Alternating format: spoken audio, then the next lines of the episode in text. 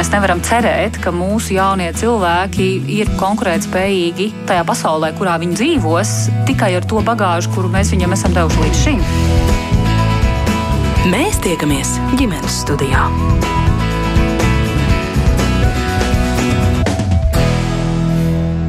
Sveiciens visiem klausītājiem! Bērni pirmskolas vecumā slimo 8, pat 12 reizes gadā, un, lai kārtīgi izveseļotos, bieži nepieciešams 14 mājās pavadītas dienas, kurās bērns nevar apmeklēt izglītības iestādi. Teorētiski bērna vecākiem ir tiesības katrā bērna slimošanas gadījumā ņemt slimības lapu, bet vai ar to mierā ir darba devēji un cik saprotoši darba kolēģi, kuriem nerad jāstrādā vairāk, lai paveiktu visus darbus, jautājums uzdod rādījuma producents Armīt Kolāte un to es, Mairidz Notiņa, pāradresēju studijas viesiem, proti valsts sociālās apdrošināšanas aģentūras pabalstu metodiskās vadības daļas vecākajai ekspertei Solvitei Zirnītei. Labdien! Labdien! Un arī Latvijas Brīvo arotbiedrības savienības juristam, konsultantam darba tiesisko attiecību jautājumos Kasparam Rācenājam. Jā, labdien! Un, protams, atgādinājums klausītājiem, kā vienmēr varat gan komentēt, gan arī jautāt mūsu studijas viesiem, bet vispirms Solvit varbūt atgādiniet tātad kāda kārtība. Bērniņš saslimis, iet nevar uz bērnu dārzu, skolu, tātad vecākam ir tiesība, ņem, tiesības ņemt slimības lapu. Kāda tā kārtība? Jā, vecāks paņem slimības lapu. Uh, Kas tā ir par slimības lapu? Slimības lapa A, B, B slima bērna kopšanai. Ja tur ir vairāki, tā slimības lapā ir vairāki cēloņi. Ja mm, ir izsniegta slimības lapa slima bērna kopšanai, kas ir kopts mājās, tad šo lapu aģentūra apmaksā līdz uh, slimības 14. dienai. Ja ir izsniegta slimības lapa, kad bērniņš ir kopts stacionārā, tad aģentūra apmaksā līdz 21. slimības dienai. Savukārt, ja bērns ir kopts traumas dēļ, kas saistīta ar kaulu lūzumiem, tad slimības pabalstu izmaksā līdz 30. slimības dienai. Šīs slimības lapas tiek apmaksātas līdz bērna 14 gadu vecumam, bet ir arī tādas lapas, kas izsniegtas tiek. Um, bērniem ar smagām saslimšanām. Varbūt par to šoreiz nerunāsim. Jo tas ir atsevišķs stāsts, un droši vien būtu jāveido arī īpašs raidījums, un tādi arī ģimenes studijā top. Mums tiešām akcents ir uz bērniem, kuriem nav smagas saslimšanas, bet kuru, kuri laiku pa laikam slimo. Bet, nu, vai vecākiem šajā laikā, ka viņi paņem šo lapu uz, kā jūs teicāt, 14, varbūt 30 dienām, vai samazinās ienākumi, vai tā apmaksa ir 100% apmērā? Slimības lapas tiek apmaksātas 80% apmērā. Tas ir kā aizvietojums, daļējs aizvietojums darba algai. Bet viss šis attiecas arī uz pašnodarbinātām personām, par ko jūs stāstījāt. Jā, apmaksa notiek tieši tāpat. Atšķirība ir tāda, ka, ja slimo darba ņēmējs, tad arī situācijā, ja nu, darba devējs kāda iemesla dēļ nav nomaksājis sociālo nodokli, slimības lapa tiks piešķirta un izmaksāta. Pašnodarbinātajiem savukārt ir eh, jābūt faktiski veiktai šai sociālo nodokļu nomaksai, un tikai tad tiks izmaksāta slimības lapa. Bet, ja nav darba attiecība, tad, protams, nav arī slimības Nē, lapas. Ja, ja nav sociāli apdrošināts, tad nav arī slimības lapa. Nu, bet, ja tas ir brīdis, ka tieši ir beigusies, nu, beigušās attiecības ar darba devēju, slimības lapa netiks apmaksāta. Ir jābūt sociāli apdrošinātai personai, tas ir tāds nosacījums, lai piešķirtu piešķirtu slimības lapu. Bet vai ir kādi ierobežojumi? Teiksim, šo slimības lapu var ņemt tikai bērna mamma, vai var arī tētis, vecvecāki, pilngadīgi brāļi, māsas? Jā, var ārsts var izvērtēt attiecīgo situāciju, kam izsniegt slimības lapu. Var, kā jūs teicāt, bērna vecāki, vecāka laulātais, var pilngadīgi brāļi, māsas, vecvecāki, aizbildņi, ar bāriņtiesas lēmumu iecelts aprūpētāji. Bet uh, visām šīm personām ir jābūt sociāli nu, apdrošinātām tajā brīdī, lai viņām tiktu izmaksāta slimības lapa. Bet tā tad nav kaut kā īpaši, piemēram, vecmāmiņai jāpierāda šis lūk mans mazbērniņš, un uh, tāpēc arī ņem slimības lapu. Nē, ārsts to ieraksta savā medicīniskajā dokumentācijā. Jo situācijas ļoti dažādas. Starp citu, arī pirms raidījuma paskatījos sociālos tīklos, ik pa laikam par šo diskutē. Nu, piemēram, arī uh, tāda situācija mamma atrodas bērnu kopšanas atvaļinājumā un uh, saslimst pati, saslimst bērns, vai arī tādā situācijā mamma var ņemt slimības lapu? Māma nevar ņemt slimības lapu, jo viņa jau atrodas bērnu kopšanas atvaļinājumā, kas jau ir daļējs algas aizvietojums, ja, ko aģentūra nodrošina. Bet šo slimības lapu var paņemt kāds no vai bērna tētis vai vecmāmiņa ka nu, ārsts izvērtēs, kam izsniegt šo darba nespējas lapu. Ja tēvs neatrodas bērnu kopšanas atvaļinājumā, viņš droši var ņemt slimības lapu un kopt slimo bērnu. Ir vēl kādas tādas situācijas, ko jums visbiežāk jautā, nu tās tradicionālās jau ir zināmas, bet vai var arī šādā situācijā, piemēram, nāk jums kas prātā? Nu, principā šis arī ir tas aktuālākais jautājums, kā tikt galā, ja mamma ko bērniņu mājās, kā bērnu, bērnu kopšanas atvaļinājumu un ko darīt, ja nevar iziet no situācijas, jo slimības lapa viņai netiek apmaksāta, vai var bērnu tētis ņemt, neskatoties uz to, ka mamma jau ir šajā kopšanas atvaļinājumā. Jā, var jāskatās pēc situācijas. Jā, bet tad, tad tur sarežģījumi nerodas. Nē, nerodas. Jā.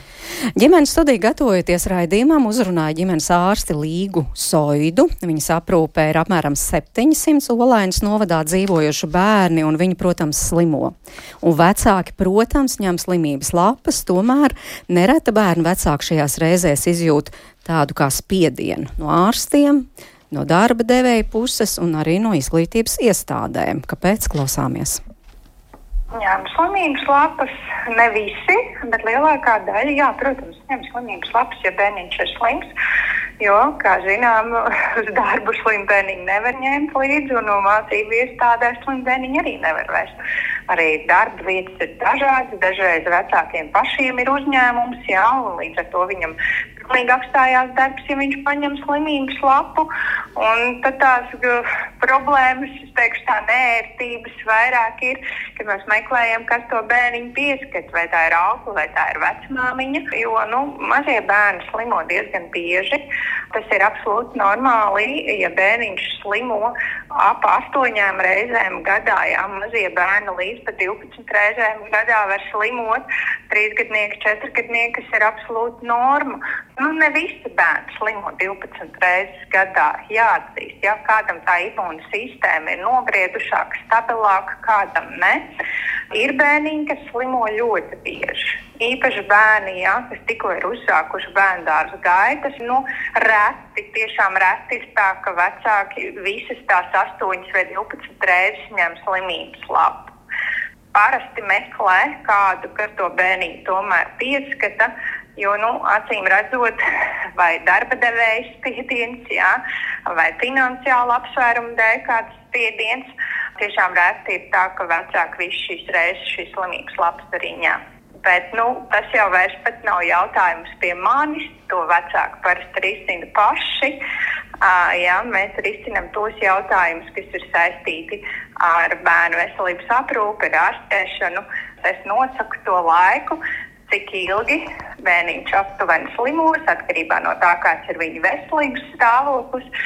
Vidēji saaugstēšanās, jeb augšējo elpceļu vīrusu saslimšanas ilgs nedēļa, tās ir septiņas dienas, apmēram ceturtai daļai pacients tās ir līdz pat 14 dienām. Ja?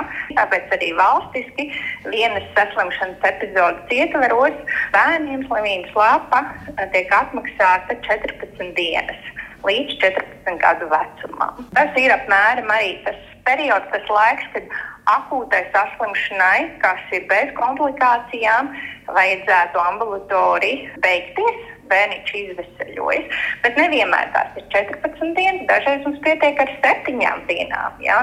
Jo, nu, protams, ka ir tas spiediens, un, protams, ka vecākiem bieži gribas uh, kādu brīnumu tableti ko mēs iedodam. Un viens, divi, trīs dienās bērns ir vesels un var iet atpakaļ uz darbu. Bet tādas, diemžēl, nav. Vīrusu saslimšanām ir sava gaita. Jā, mums nav brīnuma tabletes, viņas ir pašlimitējošas. Mēs tikai medicīniski mēģinām samazināt simptomus, un tās vismaz septiņas dienas bērnam ir vajadzīgas, lai viņš kļūtu vesels. Jā, ir bieži situācijas, kad vecāks jau atnāk ar bērniņu un teiksim, tā izdara tādu spiedienu, kad, kad nu, mēs ejam uz bērnu dārzu, kad uh, vairs nevar, un, un es saku, stop, nē. bērniņš vēl nav vesels. Jo mums ir jāsaprot, ka, ja bērniņš vēl nav vesels un tā ir otrā, trešā saslimšanas diena un slimības lapa ir atvērta tikko, bērniņš vēl var būt infekcijos. Un viņš aiziet uz mācību iestādi un saslims citi bērniņi. Bērni pagājušā gadā slimoja ļoti, ļoti bieži. Pēc Covid vīrusu saslimšanas ļoti, ļoti aktivizējās, jo iepriekš viņas bija nomāktas, jo Covid bija pārņēmis. Jā. Līdz ar to bērni pagājušajā gadā tiešām ļoti bieži slimoja un bija jūtams tas uh, spiediens, ka mācību iestādes diezgan daudz sūta atpakaļ. Jā, un bērniņi ļoti bieži slimoja un vecākiem nācās ņemt šīs lapas. Tāpēc es saprotu, kāpēc šis jautājums ir tik aktuāls kļuvis. Nu, vecāki mēģina šīs lietas risināt, esot mazliet tādā spiedienā starp darba devēju, starp mums ārstiem jā, un starp mācību iestādēm.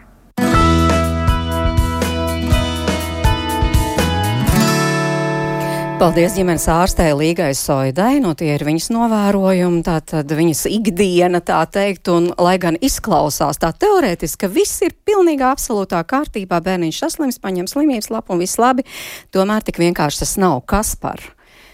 Klausoties šo un uh, varbūt arī vērtējot to situāciju, vai tā ir tiešām tik vienkārša? Mm, situācija, protams, nav vienkārša. Es pat teiktu, ka ģimenes ārsti jau, man liekas, vairāk vedināja to domu, ka nemaz tik vienkārši tas viss un tik labi nav, kā, kā mēs gribētu. Jo tas spiediens no visām pusēm tiešām ir nopietns un uh, var saprast arī katru, katru iesaistīto pusi. Tas, kas uh, man liekas šeit būtu svarīgi, ko arī ģimenes ārsti pieminēja, ka pirmkārt primārās ir šīs bērna intereses, lai viņš tiešām ir vesels un lai viņš izvesaļojās, un lai kāds būtu spiediens no darba devēja puses, es aicinu darbiniekus būt uh, izturīgus un stiprus un pirmā vietā nolikt, protams, sava bērna intereses. Ja mēs skatāmies no darba devēja pušu viedokļa, tad, protams, viņiem jau ir jāsaprot, ja es šeit vienā savā darba vietā spiedīšu darbinieku savu bērniņu ātrāk palaist uh, uz bērnu dārzu, tad kādā citā vietā darba devējam cits darbinieks paņems atkal slimības lapu, un tie pat varbūt vēl vairāki darbinieki, kuri paņems. Un līdz ar to tā kopīgā sabiedrības interese jau ir tāda, lai katrs indivīds, kurš ir saslimis, mazais bērniņš, izveseļojās līdz galam. Bet, protams, tas viss izklausās ļoti skaisti šeit, radio runājot, bet praksē mēs saskaramies ar daudz dažādām problēmām. Un, es interesi pēc arī um, atradu uh, tiesību sargam 2017. gadā bija veikts pētījums, kur tieši par jaunajiem vecākiem un viņu problēmām. Un tur principā diezgan dramatiski teksti, bet es teikšu, diezgan precīzi noraksturoja situāciju, kur ir, ir arī dzirdama 23. gadā. Tas ir šogad. Nu, kā piemēram, darbinieces bija sūdzējušās par to, ka viņi, iz, viņas izjūt negatīvu attieksmi, kas izpaužas kā aizrādījumu, nekorektu piezīmi izteikšanu, atlaišanas draudu izteikšanu. Piemēram, citām darbiniecēm netiek piešķirtas prēmijas, piemaksas, netiek palielināta alga vai, piemēram, nedod iespēju pa karjeras kāpnēm kāpt tikpat augstu kā tiem, kuriem neslimo. Tad, kad, piemēram, ir saslimuši īpaši ziemas periodā, tad redz, ka vadītāja attieksme mainās un, un pastāsta, ka es tevi atbrīvošu, vai visi darbiņi, kas ir sakrājušies pēc atgriešanās, tev tāpat tās būs jāpabeidz. Līdz ar to tā ir tā ikdiena, ar ko darbinieki saskarās. Kaut arī likums, ja mēs ieejam, piemēram, darba likumā iekšā, piešķir darbiniekiem ļoti plašas un uh, atbilstošas uh, aizsardzības iespējas. Tātad darba devējs nedrīkstēs darbiniekam radīt nekādas negatīvas sekas, tādēļ, ka darbinieks izmanto šo te, uh, iespēju uh, slimot vai ārst, uh, ņemt darba nespējas labu slimu bērnu kopšanai. Mm -hmm. nu, bet vai tad eh, šis paliek tikai kā pētījumā apkopots, teiksim, kurā jūs teicāt 19. 17. gadā? Jā. 17. Mm. gadā. Vai arī tas kaut kā izpaužas skaitļos un faktos, piemēram, tur inspekcija saņem sūdzības no šiem neapmierinātajiem vecākiem, ka tā ir vai, vai tomēr nē? Uh, par to, cik ir precīzi data valsts darba inspekcijā, droši vien viņi varēs labāk sniegt uh, to, ka tā būtu kliedzoša problēma, par kuru ārkārtīgi sūdzētos uh, valsts valsts darba inspekcijā es neesmu dzirdējis, tas būs jājautā viņiem pašiem. Tajā pat laikā man šķiet, tā ir vairāk tāda latenta problēma, par ko visi zina, bet runā uz āru salīdzinoši maz. Līdz ar to, tāpēc, tas skar ļoti daudz, uh, piemēram, pētījums arī parāda, cik daudz jūs cenšaties šo jautājumu situāciju risināt, salīdzinoši maz to dara. Vai nu baidās no tām sekām, kas ir darba tirgū, Tātad nav tā gluži kā cīnoties par savām tiesībām, es varēšu atrast jebkuru darbu, ja pēc tam darba devējs man negatīvi izrīkosies. Ja mani atlaidīs no darba, ok, tas, kas ir labā ziņa, piemēram, darbiniekiem, arotbiedrību biedriem, ka likums paredz, ka bez arotbiedrības piekrišanas darbinieku tik vienkārši no darba atlaist nevar. Līdz ar to tas, kas ir arotbiedrības biedrs, tur arotbiedrība var, kā saka, ielikt kāju durvīs un pateikt, nē, tik vienkārši jūs mūsu darbiniekus neaiztiksiet. Tie, kas nav arotbiedrības biedri, nu, tiem ir sarežģītāk. Tieši tāpat tā vēršanās vai tiesāšanās ar darba devējiem visbiežāk jau notiek tad, kad darba attiecības tiek izbeigtas. Jo darba attiecību laikā cīnīties par tiesībām darbinieki uh, nav diezko aktīvi. Nu jā, nu es domāju, ka vairums jau tomēr negribētu tik tālu aiziet, lai par šo jautājumu cīnītos, lai zaudētu darbu un tam līdzīgi cilvēki ir ieinteresēti turpināt uh, strādāt un saglabāt savus darba attiecības. Bet, ja es drīkst iesprāstīties, es teikšu, ka tā kā ģimenes ārsts teica, nebūs jau patiesībā citas tādas brīnum tabletes jums būs jāizmanto savas tiesības, kuras ir likumā noteiktas, un tā būs tā labākā tablete, lai uh, varētu uh, baudīt likuma aizsardzību. Slēpjoties, risinājums nebūs. Jā, tūlīt dzirdēsim arī darba devēja viedokli, bet es gribu iestarpināt arī klausītāju komentārus un jautājumus. Nu, piemēram, Inta mums raksta, tad nevajag brīnīties, kāpēc tik daudz ģimenes atsakās no bērnu radīšanas, izdara izvēli vai nu darbs, vai nu bērni. Jā, un te savukārt ir vēl papildi jautājumi par to, ko mēs jau nos, noskaidrojām.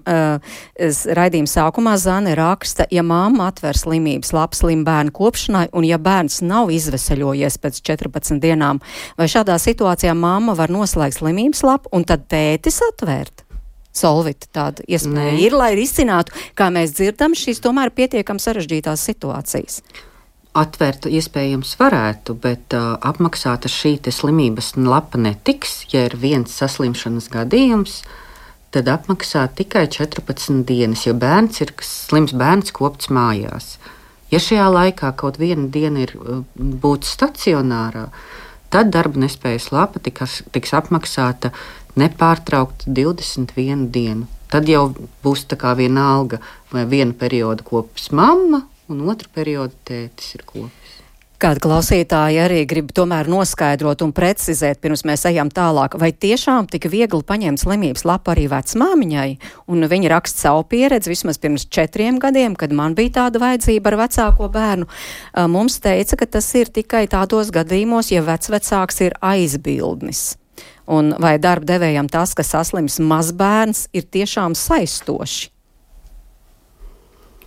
Ārsta kompetenci, nu, ārsts izvērtē, kuram no, uh, kurai no personām sniegt šo darba nespējas lapu. Ja nevar paņemt ne tētis, ne mamma, var gadīties, ka viņi ir abi slimi un viņi nevar šo slimo bērnu kopt. Tad, jā, nu par tādām sīkākām niansēm es nevarēšu komentēt. Vai ir jābūt iespējams, ka notariāli apstiprināt um, kādam dokumentam, ka šī vecmāmiņa drīkst nākt ar bērnu pie ārsta un, uh, un ņemt slimības lapas. Tad vēl tādi komentāri no mūsu klausītāja puses. Visur nav arotbiedrība, un tas spiediens par slimošanu ir šausmīgs pat ne tikai cilvēkiem, kam ir bērni, pat tiem, kam nav. Šķībi skatās arī kolēģi, un savukārt te kāds, kurš laikam vairāk te kolēģa lomā raksta, un kā jums liekas, vai citiem kolēģiem tādēļ ir jācieš un jāaizvieto mūžīgi slimojošos bērnu vecākus, kāpēc gan darba devējs nevar pieprasīt izdarīt visus pienākumus vēlāk vai nepiešķirt prēmiju dēļ tā, ka slimojuši bērnu vecāku darbus jādara kādam citam. Uh, es pieļauju, ka tas ir retorisks jautājums, tāpēc, ka tīri cilvēcīgi varam saprast gan slimojošo, gan to, kuram uzgrūž un viņam ir jāizvieto.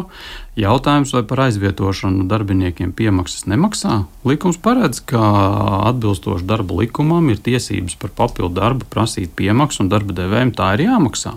Tas nozīmē, ka šiem kolēģiem ir jāiet pie darba devēja un jāsaka, lūdzu, maksā man atbilstošu piemaksu par to, ka es daru kolēģu darbu. Visdrīzākais šis kolēģis jau nav aizgājis paprasījis, vai viņam darba devējs neko papildus nemaksā, un tāpēc arī šī neapmierinātība rodas. Var saprast arī darba devēju, ka kāpēc viņam tagad pēkšņi rodas papildus izmaksas, tāpēc, ka darbinieks slimo. Nu, tas ir tas apburtais trīs stūris, kurā tad ir jāatrod kaut kāds kompromiss un salīdzinošs uh, cietēji būs visi. Un šajā situācijā nu, tas tiesiskais regulējums ir tāds, ko valsts ir uzskatījusi par samērīgu un taisnīgu. Vai šī ir aktualitāte arī darba devējiem? To jautāja Latvijas darba devēja konfederācijas prezidentam Andrim Bitem. Lūk viņa atbilde. Problēma, ka slimo vienmēr ir, eh, bet tas, ka eh, tā ir realitāte, kā saka, nenovēršama lieta, ar kuru mums darba devējiem ir jāsaskarās, tas ir skaidrs. Un uh, mēs, es domāju, diezgan labi šobrīd uzņēmumi uh, un darbinieki tiek galā ar šo jautājumu, saprotot to, ka uh, dzīvi dzīvo un bērni slimo, attiecīgi pielāgojās, un es domāju, lielā mērā, teiksim, uh, pilnīgi normāli to uztver. Uh, protams, tas rada sarežģītības darbā, kas aizvietos šos vecākus, kas tajā brīdī mājās sēž ar bērniem, bet tie ir izcinām jautājumi, un man liekas, šobrīd tā nav neatrisināma, teiksim, vai problēma, kas rada spriedzes kaut kādas savstarpējās attiecībās starp darba ņēmēju un darba devēju. Nu, bet kā tad darba devēji risina šos jautājumus, jo tomēr, kā zināms, ar darba spēku tā ir kā ir, un, un, un, un šie cilvēki tomēr ir regulāri jāaizvieto, un reizēm ir tā, ka tiešām tie bērni vienu nedēļu ir bērnu dārzā un pēc tam atkal slimo. Kādi ir tie risinājumi? Godīgi, nu, mēs pieņemam šo lietu, esot arī paši vecāki, kā uzņēmēji, mēs pieņemam to lietu kā nenovēršam procesu un, un, un nu, mocamies, mēģinam aizvietot ar citiem jā, darba spēka tirgū, teiksim, nu, nav uh, pārāk brīva situācija. Un es domāju, ka vienmēr tas, es domāju, bijis varbūt, kad bija brīvāks darba spēka tirgus, varbūt, nu, netolerēja tik daudz, bet šobrīd uh, pilnīgi pieņem to un, un, un risina problēmas tad, kad viņas rodas. Darba devēja varētu teikt, jau rēķinās ar to, piemēram, ja ir darbinieks šāda jaunā, jaunā māmiņa, kurai maza bērna, tad faktiski jau ar to rēķinās. Nu, bez šaubām jūs ļoti labi noformulējāt jā, šo, šo jautājumu.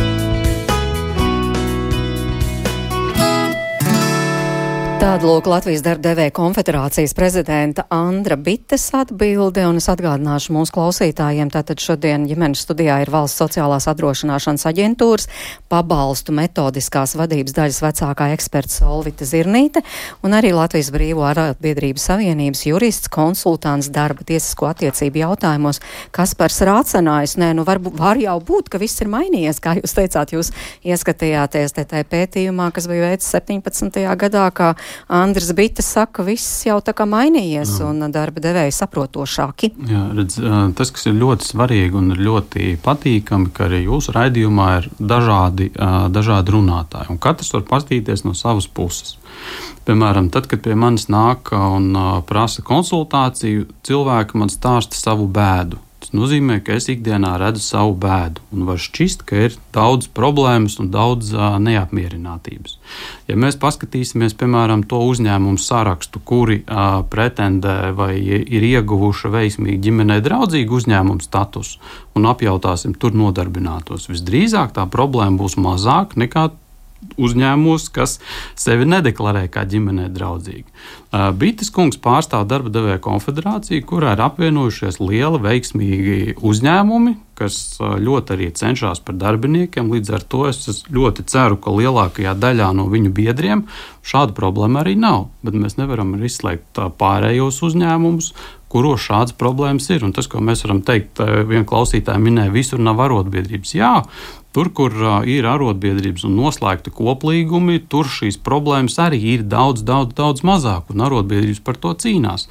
Tāpēc viena no tabletēm stājieties arotbiedrībā un cīnīties par šīm visām lietām, un neatstājiet, kā saka, līdz situācijai, kad pienāks pie durvīm un jums pateiks, re, kur ir durvis, ejiet pa tām ārā jo jūs ilgstoši slimojat. Jā, nu te mums klausītājs atkal ar komentāru. Nu, bite uzzīmēja paradīzes ainu, domāju, ka neprecīzi, īpaši mazākos uzņēmumos par aizvietošanu nemaksā, un tev arī intas jautājums, vai man ir tiesības neaizvietot kaut gan soli piemaksu. Mm, Tātad vienošanās par papildus darbu ir vienošanās. Uzspiest veikt papildus darbu, darba devējiem nav tiesību, un likumā, starp citu, arī darba likumā nav noteikts piemaksas apmērs. ar mērķi, lai tad, kad jums būs vienošanās par papildu darbu veikšanu, jūs arī varētu vienoties par šo apmēru, kādā jums samaksās. Jo būs uh, amati, kuriem piemaksa var noteikt lielāku, būs varbūt, kas ir līdzīgāk un tik daudz darba neaizņem, tur piemaksa var noteikt mazāku. Tāpēc tā rīcības brīvība ir uh, darba likumā atla, at, at, at, paļauta lielāka. Jā. Un tas, ka tā nav tā tik paradīzes aina, tā dzīves aina, tas tomēr uh, par to liecina arī veselības inspekcijas dati. Starp citu, ģimenes studija pirms raidījuma palūdz, kāda tad ir reālā situācija. Un, un vispār diezgan interesanti, ja mēs skatāmies uz 2022. gadu, tad tur kopumā no 415 iesniegtajiem uh, pieteikumiem par darba nespējas lapu uh, saistībā ar bērna saslimšanu ir bijuši 19. Tātad no 415, 19. 23. gada pirmais uh, pusgads 178 iesniegumi un par bērna saslimšanu bijuši septiņi. Man pat atklāt sakot, negribas ticēt tiem cipariem, jo ja mēs klausījāmies, ko mums teica ģimenes ārste. Piedošana, jūs tagad minat skaitļus veselības inspekcijā, vai tie ir skaitļi ar izsniegtajām lapām vai par tām, kuras ir apstrīdētas kā nepamatotas? Veselības inspekcija, manuprāt, ja nemaldos, viņi skata tos jautājumus, cik gadījumos apstrīd, un tad kāds darba devējs ir teicis, ej, man te tāda aizdoma, ka tu ar to bērnu kopā staigājies pa lielveikaliem, braukājies pa slitkalniņu, nevis viņu ārstēji.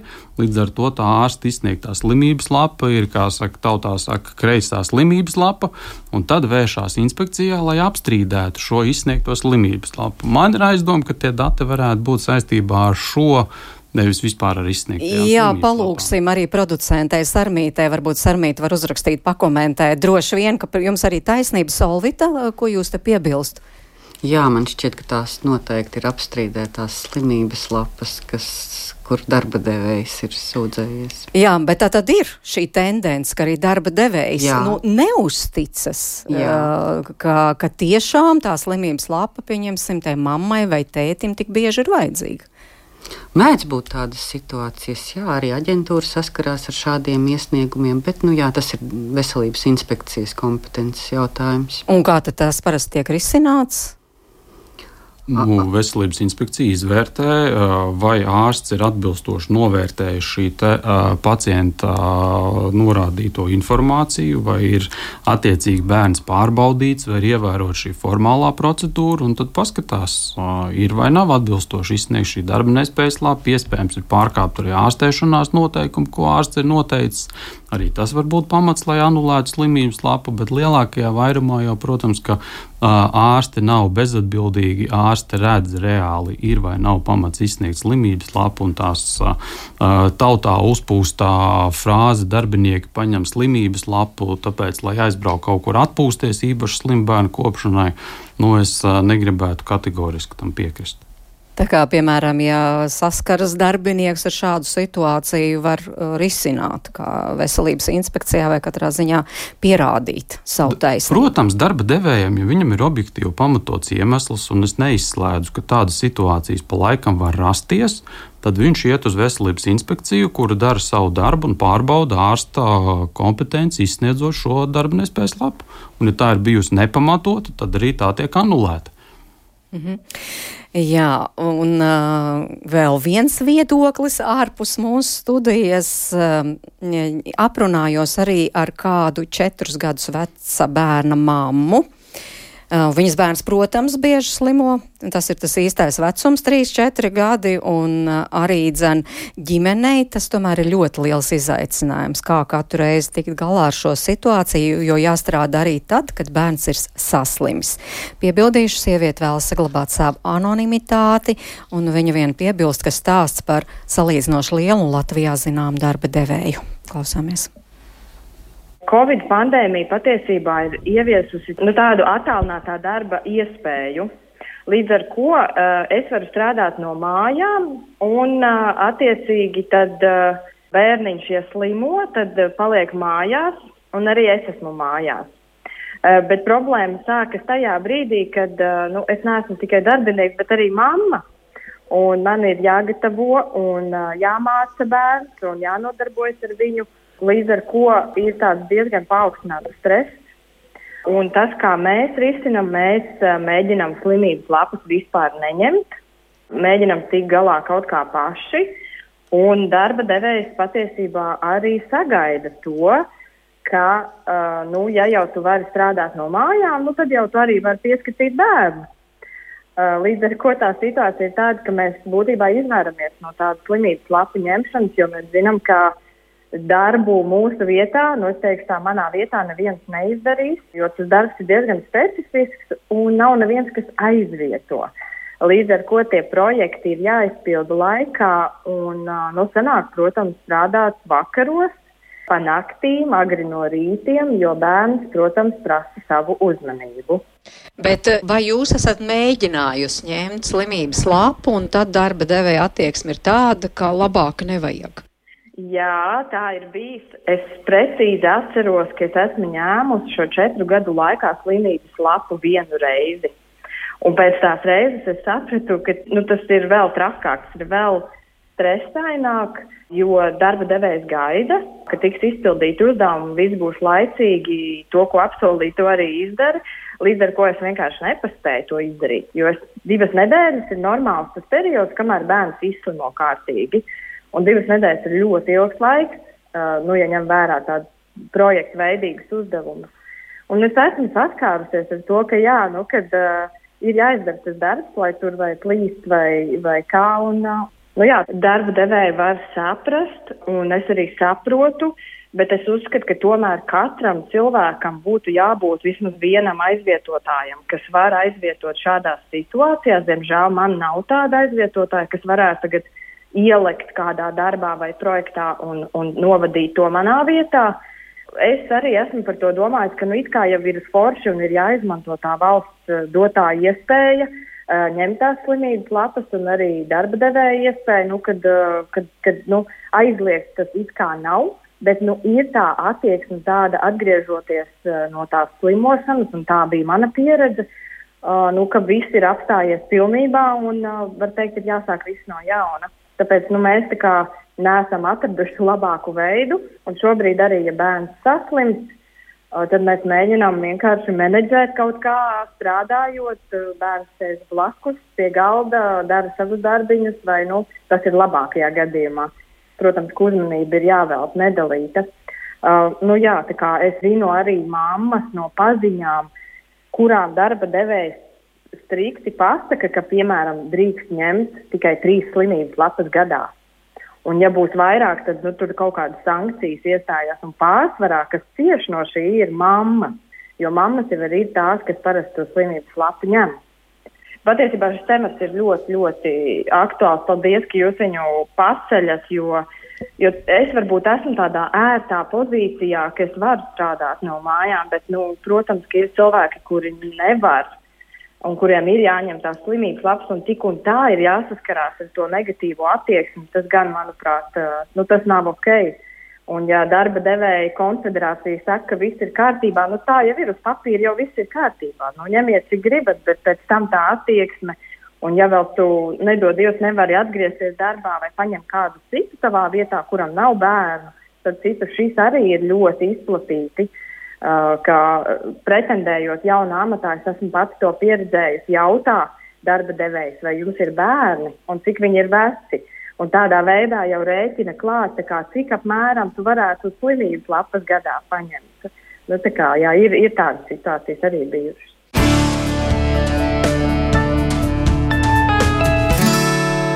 Nu, lūk, tāds ir mammas stāsts. Tā ir viņas ikdiena tieši tajā brīdī, kad, kā mēs zinām, ka bērns slimo visvairāk, jā, 3-4 gadi, un tiešām bieži tās situācijas, ka uz to dārziņu nevar doties. Solvit, ko jūs saklausījāt? Grūti komentēt. Es domāju, ka tā ir Nu, tā ir darba devēja attieksme, acīm redzot, vispār pret saviem darbiniekiem. Kā kolēģis teica, nu, nav nevienas tabletes tādas, ja, kas to visu atrisinātu. Tā ir tikai attieksme. Ja mamma palaidīs to slimo bērniņu uz dārziņu ātrāk, un tiešām viņš vēl kādus desmit sev, nu, kā saka, atsēdinās mājās, nu, tad cietīs vēl desmit darba devēji. Es domāju, ka sabiedrībai jā, jāmainās ir kopumā, un tai attieksme ir jāmainās kopumā. Kas par? Um, jā, uh, es varu tikai uzteikt par, uh, par drosmi un uh, to, cik precīzi un kvalitatīvi uh, runātāji nodeklamēja to problēmas ieskicējumu. Es pilnībā varu pievienoties. Tas ir tas, ko arī es dzirdu, kad nāk un cilvēki par šo ziņo. Uh, atceramies, Covid laikā nu, mazais bērniņš kaut nedaudz iepuņķojās, viņu vienkārši izmet no bērna zārā, tu te nerādies, aplipinās visus pārējos. Iespējams, ka tas arī bija tas pareizākais risinājums. Jo, ja mēs paskatāmies varbūt statistiku, man varbūt vismaz es savā ģimenes lokā to redzēju, ka bērni slimoja mazāk. Un tajā brīdī, ja tās pirmās pazīmes, un skola un sabiedrība neļāva, vienkārši lika distancēties tie, kas nāk ar šādām pazīmēm, tad arī tā kopējā slimošana attiecīgi nu, bērnā nebija tik masveidā. Uh, iespējams, tur var uh, veikt zinātniskus pētījumus, ar ko tas ir saistīts, uh, bet man liekas, tā tēze, ka ja tu izslimo līdz galam, tad tu esi mazāk apdraudošs pārējiem. Un, nu, es viņai katrā gadījumā pievienojos. Nu, bet te ir tas aburtais lokus. Nu. Vecāki jau to saprot, bet ja darba devējs saka ātrāk, ātrāk, atpakaļ uz darbu vai kā šajā gadījumā, nu it kā jau teorētiski, bet tu taču esi mājās. Vai tad nav iespējams pieskatīt slimu bērnu? Un, kā mēs zinām, tā arī ir viena no tām Covid priekšrocībām, ka tagad uh, daudz vairāk cilvēku strādā no mājām. Tas, protams, ir patīkami. Un, un kas tad tur ko nepieskatīt? To, nu, to mazo slimnieciņu. Lielveikala pārdevēja nevarēs no mājām uh, pieskatīt bērnu un vienlaicīgi veikt savus darba pienākumus. Bet vai arī tas, kas strādā mājās?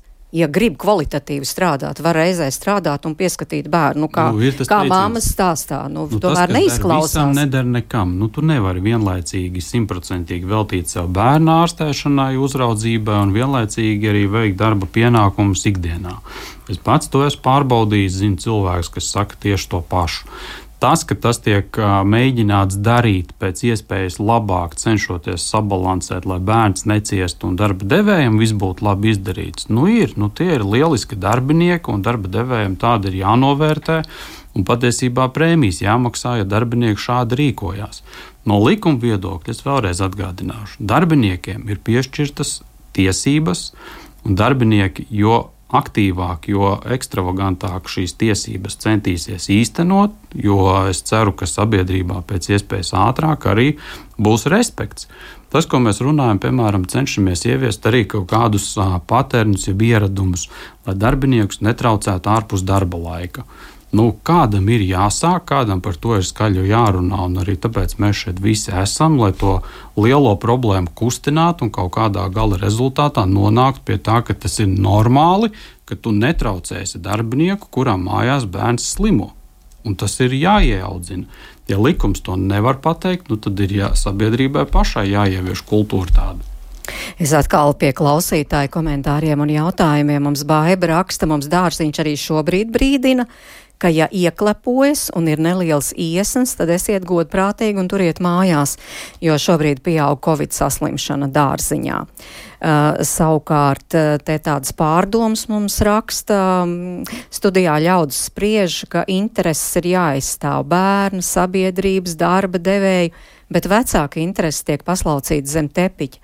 Bērns bērnu dārzā neiet mēnešiem, jo tiklīdz izveseļojas, pēc pāris dienām atkal ir Uh, nu, teiksim, ar, ar pilošu degunu un tādus dārziņu vest nedrīkstot, un regulārai auglas algošanai piedošanu ģimenes budžetā pie visiem pieaugušajiem maksājumiem nekād nesanāk, uh, ne visiem arī Romas, kas pieskata, un tieši cik ilgi prombūtne var izturēt darba devējs un kolēģi. Tie arī redzam, kāpēc ģimenes ar bērniem ir, nabadzī, ir uz nabadzības vai trūkuma riska. Un, uh, tas ir demotivējoši un skumji, tīpaši solo vecākiem. Nu, jā, it īpaši, jā. starp citu, solo vecākiem jā, šī par... problēma varētu būt vēl lielāka. Jā, un es varētu varbūt nedaudz ieskicēt no tās tēmas, ko es vairāk ikdienā saskaros tieši no darba likuma viedokļa. Pieķēros pie vārdiem, cik ilgi darba devējs to var izturēt. Tas, ko darba likums atļauj darba devējam, ja darbinieks ilgstoši slimo, un diemžēl šobrīd likumā mēs esam konstatējuši, ka ir stāsts par to, ka ja darbiniekam ir izsniegta pārējoša darba nespēja, pārējoša darba nespējas lapa vairāk nekā sešus mēnešus pēc kārtas, tad darba devējiem ir tiesības uzteikt darbiniekam darba attiecības. Un tā problēma ir tajā, ka šajā darba nespējas lapā ietverās iekšā gan tāda lapa, kas ir paša darbinieka slimošanas dēļ, gan arī bērna slimošanas dēļ. Tāpēc Arotbiedrības Savienība ir nosūtījusi Labklājības ministrijai arī priekšlikumu šo normu precizēt un labot, proti pasakot, ka bērna slimošanas laiks netiek uh, ieskaitīts iekšā tajā laikā, kas dod darba devējiem tiesību uzteikt darba līgumu. Respektīvi, ja darbinieks slimo piemēram 4 mēneši un uh, slims bērns 2 mēneši, tad darba devējs šobrīd varētu darbinieku atbrīvot no darba, tāpēc ka 6 mēneši pēc kārtas ir noslimojuši. Vai arī viens gads, triju gadu periodā ar pārtraukumiem. Tātad šīs lapiņas skaitas kopā. Un šo problēmu mēs esam ierosinājuši arī novērst tieši dēļ šī, šīs intereses, lai aizsargātu bērnu, lai nebūtu tā, ka vecāki neņem vai griež nost slimības lapas tādēļ, lai nesavāktu to periodu, ka viņus var atbrīvot no darba. Valsts sociālās apdrošināšanas aģentūra ir pavērojusi, paskaitījusi, nu ir tiešām tādi daudz gadījumi, kur tik ilgstošas iznāk tās slimošanas kopā ņemot gan bērniem, gan pieaugušajiem. Nu, principā slima bērna kopšanas uh, vidēji ir astoņas dienas. Astoņas dienas. Tas tāds mm. nav neilgi. Ne, jā. Bet paskatoties uz vienu, piemēram, cilvēku gada garumā, kā mēs te dzirdējām, jūs tā neskaitāt kopā. Nē, jā? nav skaitīts, bet nu, dažādi. Jā, atkarībā, ja cilvēks slimo pats, protams, mēs nezinām, kāda ir diagnoze. Tā slimība ir jāizslimo. Dažādas slimības lapas ir jā. Dainas raksta ir situācija, ka slimo bērniņš, bet ir situācija, ka mans kolēģis ņem lapu 14 gadus veca, metru 80 gara bērniņa kopšanai, un man jādara viņa darbs. Piemaks ir piemaks, bet neviens jau divas algas nemaksā. Solvita. Nu, tur tas ir tas 14. Tomēr. 14. Kāpēc ir 14? Jo it kā 14 gados jau, jau bērns nu, varētu jau jā. būt viens. Nē, 14 mājās. gadus. Ja ir nosvinēta 14 gadu dzimšanas diena, slimības lapa netiks apmaksāta. Iespējams, ka dārsts izsniedz slimības lapu un viņš sēž mājās šis cilvēks un kops slimo bērnu par saviem līdzekļiem. Mm, tā tad līdz 14 Vai gadiem. Varbūt 12 gadīgs bērns izskatās kā 14 Arī, gadīgs jā. bērns, un kolēģis tāpēc domā, ko tas lielais zirgs tur ir jāpieskata, vai ne? Tā kā arī tā var būt problēma, bet jā, no likuma viedokļa līdz 13 gadu ieskaitot, 14. vairs neskaitās. Inga, kaut kāds trakums ar to slimošanu. Neviens no maniem trīs skolniekiem vēl nereiz nav slimojis, par to priecājos. Tomēr jāatzīstas, ka ir gadījies samānīties darba devējam, ka bērns slims ja nepieciešama atpūtas diena pašai. Nu, lūk, paldies Inga par atklātību, bet Mārtiņš kā darba devējs raksties, kā darba devējs arī jautāja par bērniem. Kaut zinu, ka nedrīkstu, bet man šis info ir ļoti svarīgs, lai saprastu, vai piecu darbinieku vietā vajag, piemēram, sešus plus protams, eh, nu, sešus, plus, protams, visādi Ziemassvētku paciņas un papildus brīvdienas, lai es varu ar to rēķināties. Man vismaz tas neietekmē darbinieku izvēli. Acīm redzot, te bija tā Mārtiņa atsauksme uz, uz, uz šo te, ka, jā, ka darbinieks, ka, nu, darba devējs pajautā, cik bērni, cik veci, un tā kā rēķinot, cik daudz slimos, Mārtiņš gan piebilst, ka pašam četri bērni, acīm redzot, tāpēc tāda viņa ir tā nostāja, bet starp citu arī ģimenes studija pirms šī raidījuma raidījuma pajautāja Instagram lietotājiem, vai esat saskārušies ar darba devēju vai kolēģu nosodošā tieksme saistībā ar slimības lapu nepieciešamību bērnu slimības dēļ. Nu, tur tās atbildes ir tāds, tad, tad no tiem, kuri iesaistījās un atbildēja 41% atbildēja nē, un uh, tur bija piebilde, ka darba vieta ir ļoti atbalstoša, iespējams tāpēc, ka daudziem pašiem mazi bērni. Uh, Un, un vēl ir tāds fakts, eh, protams, atkarīgs, cik bieži ņem, bet toties vairums, 59% teica jā, un tur bija visādas piebildes, piemēram, kāds rakstīja, esmu dzirdējusi savu bijušo priekšnieku negatīvi izsakoties par citu kolēģi, kuru bērns bieži slimo. Eh, tad bija arī tāda piezīme, ka darba devēja uzskata, ka varbūt mājās un kopā ar savu bērnu darīt darbu, ja vien to iespējams darīt no mājām, nu to mēs dzirdējam arī šajā mammas stāstā. Un te vēl tāda interesanta darba devēja steidzina, lai pēc iespējas ātrāk atgriežas darbā. Un vēl ir pat aprakstīta situācija, ka darba devējs pēc tam šīs dienas liek izņemt kā atvaļinājuma dienas.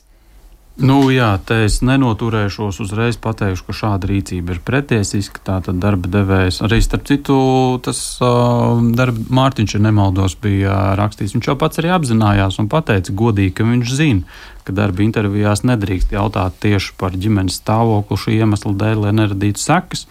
Bet uh, nedrīkst darbiniekam radīt arī negatīvas sekas, ja viņš izmanto šo pārējošo darba nespējas laiku un uh, nevar likt viņiem uh, atstrādāt šādā veidā vai uh, dzīt, uh, ir noņemt nost no apmaksātā atvaļinājuma laika.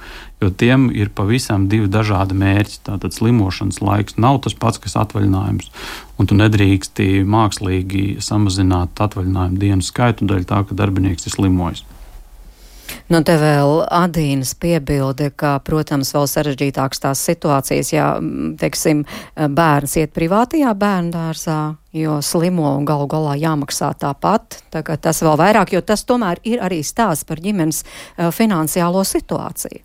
Ne jau tikai, uh, nu, uh, jā vai nē, jo tās finanses, tas jau arī tomēr var būt jautājums, kas arī tos vecākus dzen tā teikt ātrāk, ātrāk, lai ātrāk bērns, jo, kā jūs teicāt, tā nav simtprocentīga apmaksa, mm. bet 80%. Jā, pēc pieredzes uh, par privātiem bērndārziem, kā savā laikā paskaidroja šā, vienas šādas iestādes vadītāja, kad arī viņiem ir jāmaksā algas saviem darbiniekiem. Nu, jā, nu, te jau mēs saprotam arī tos darba devējus. Nu, kā, nu, viņi jau nodarbojas ar uzņēmējdarbību, ne jau aiz laba prātā, lai glābtu pasauli, bet uzņēmējdarbības mērķis ir gūt peļņu. Tā ir peļņa, kas viņus dzēna, un katrs slimojošs darbinieks rada viņam naudas izteiksmē mīnusus. Nu, tāpēc arī ir tas līdzsvars starp viena interesēm un otra interesēm. Liena raksta, darbdevējs arī piesaka darbiniekiem, ka slimības lapa ir jāņem pamīšs abiem vecākiem, lai būtu godīgi pret darba devēju. Uh, nu jā, un darbā prēmija par iepriekšējo gadu tiek aprēķināta atņemot slimošanas dienas. Nu, lūk, darba devēja visu kaut ko izdomā, bet uh, arī lūgums tā kā vēl te no klausītāja puses tomēr valsts sociālās apdrošināšanas aģentūras darbiniecei tomēr paskaidrot, bet nu kāda tad ir šobrīd reālā situācija? Cik bieži tad izmanto šo, ka ņem slimības lapu nevis mamma, bet, bet, piemēram, tētis vai vecvecāki. Jums ir kādi dati par to situāciju? Nē, mums nav tādas uzskaitas. Kā jau minēju, ģimenes ārsts savā medicīniskajā dokumentācijā šo te rei, nu, raksta, bet mums ir statistika par to, kas vairāk ņem vai nu mammas vai tēti, tātad sievietes vai vīrieši. No visām slimības lapām, kas ir apmaksātas, tad uh, sievietēm ir apmaksātas 67% gadījumus, un vīriešiem ir 33%. Tā ka tomēr mammas vairāk uh, kopjas tos slimos bērniņus. Bet es teiktu, ka nav nemaz tik slikti, ka arī 33% tēvu šo izmanto. Jā, Iespējams, tas ir apsveicami. Tas ir tiešām, apsveicam, tas ir apsveicami. Interesanti būtu, varbūt pēc raidījuma varētu pajautāt uh, VSA, nu, kāda ir statistika pa gadiem apakaļ, vai tā tendence ir mainījusies. Bet noteikti tas jau parāda, ka mēs runājam par naudu, tad uh, viens ir, kurš spēj par bērnu parūpēties labāk, kuram darbā ir vieglāk paņemt šo darba nespējas lapu, kurš, būs, kurš ir vieglāk aizstājams, un otrs jau ir arī, kurš saņem lielāku atlīdzību tajā brīdī, kad ir jāstrādā. Nu, ja mēs pieņemam, ka vīrieši saņem vairāk, iespējams, tas tajās situācijās vairāk motivē, bet es ļoti ceru, ka arī tēvi ir gatavi parūpēties par tiem bērniem, un arī tas ir iemesls, kāpēc izmanto tieši tēvi vai iespējams ir arī solo tēvi. Arī to mēs nevaram izslēgt. Jā, un vēl jau droši vien, ka skatoties uz priekšu, tiešām viss plūst, viss mainās, un ņemot vērā to situāciju, varbūt aizvien biežāk tiešām tā arī ģimenes praktizēs, ka tas būs tā papli. Vienreiz paņem mamma, vienreiz tētis, un nākamreiz varbūt ome un omis, un tā, opis, nu tā kā jā, būtu interesanti tad uh, pavērt vērot, kā tā, kā tā situācija mainās. Bet atgriežoties pie tā, mēs sākām tā tad likumiski, nu tā teikt, uz papīriem viss sakārtots, bet dzīve rāda, ka tomēr pietiekami nopietna problēma. Kā jūs redzat, vēl būtu vajadzīgas kādas, nu, tādas izmaiņas, varbūt kaut kur likumdošanā vai, vai vēl kaut kā, lai, lai šī būtu tomēr, lai tas tā, tādā ziņā tas būtu ģimenēm tomēr uh, mazāks, uh, nu, tāds sloks vai mazāka problēma. Solvit. Nu, tieši ar slimības lapu apmaksu. Nu, jā, vispār par, šo, par ko mēs šodien runājām. Tātad ģimenes ar bērniem un slimības lapas.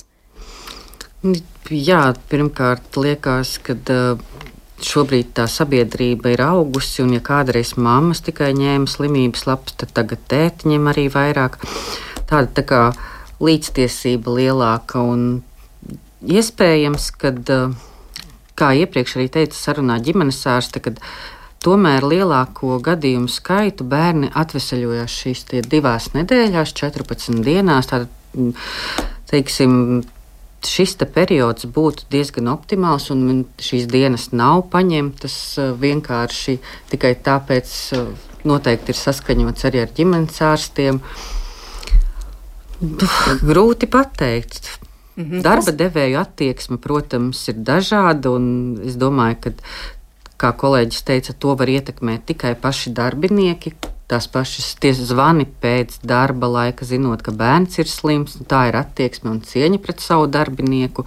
Un tiklīdz darbinieks sāks pastāvēt par savām tiesībām, es domāju, ka arī situācija mainīsies uz labo pusi. Kas par? Nu, brīnišķīgs novēlējums no VSA pārstāvis. Tikai varu pievienoties, ka darbiniekiem ir jāizmanto to, kas jau likumā šobrīd ir rakstīts valsts ir nākusi pretī darba devējiem, un B lapa nav no darba devēja līdzekļiem jāapmaksā. Līdz ar to tur jau valsts ir ļoti lielu soli pretī spēruši. Nu, atliek saorganizēt jautājumu darbinieku attieksmē par aizvietošanām, efektīvi sakārtot darba laika organizāciju un caur darba koplīgumiem es iesaku arī noregulēt specifiskus jautājumus, kā viens otrs rīkojās šādos situācijās. Nu, un tad jau, lai piepildās Bites kunga vārdi, ka, ka viss jau ir kārtībā. To mēs arī novēlam, lai viss ir kārtībā. Paldies sarunas dalībniekiem šeit ģimenes studijā Solvitē Zirnītē un Kasparam Rācenājām. Jums, protams, paldies par aktīvo iesaistīšanos raidījumu tapšanā. Raidījuma producents Armīta Kolāta, Katrīna Bramberga pie skaņu pults un es mērķis notīm pie mikrofona. Tiekamies atkal rīt, 5 minūtes pār diviem, kā nu vienmēr, un mēs rīt runāsim runāsim, kā tas, kā mēs audzinām pavisam maziņos un sākuma skolniekus, ietekmē to, kādi viņi būs pusauģi.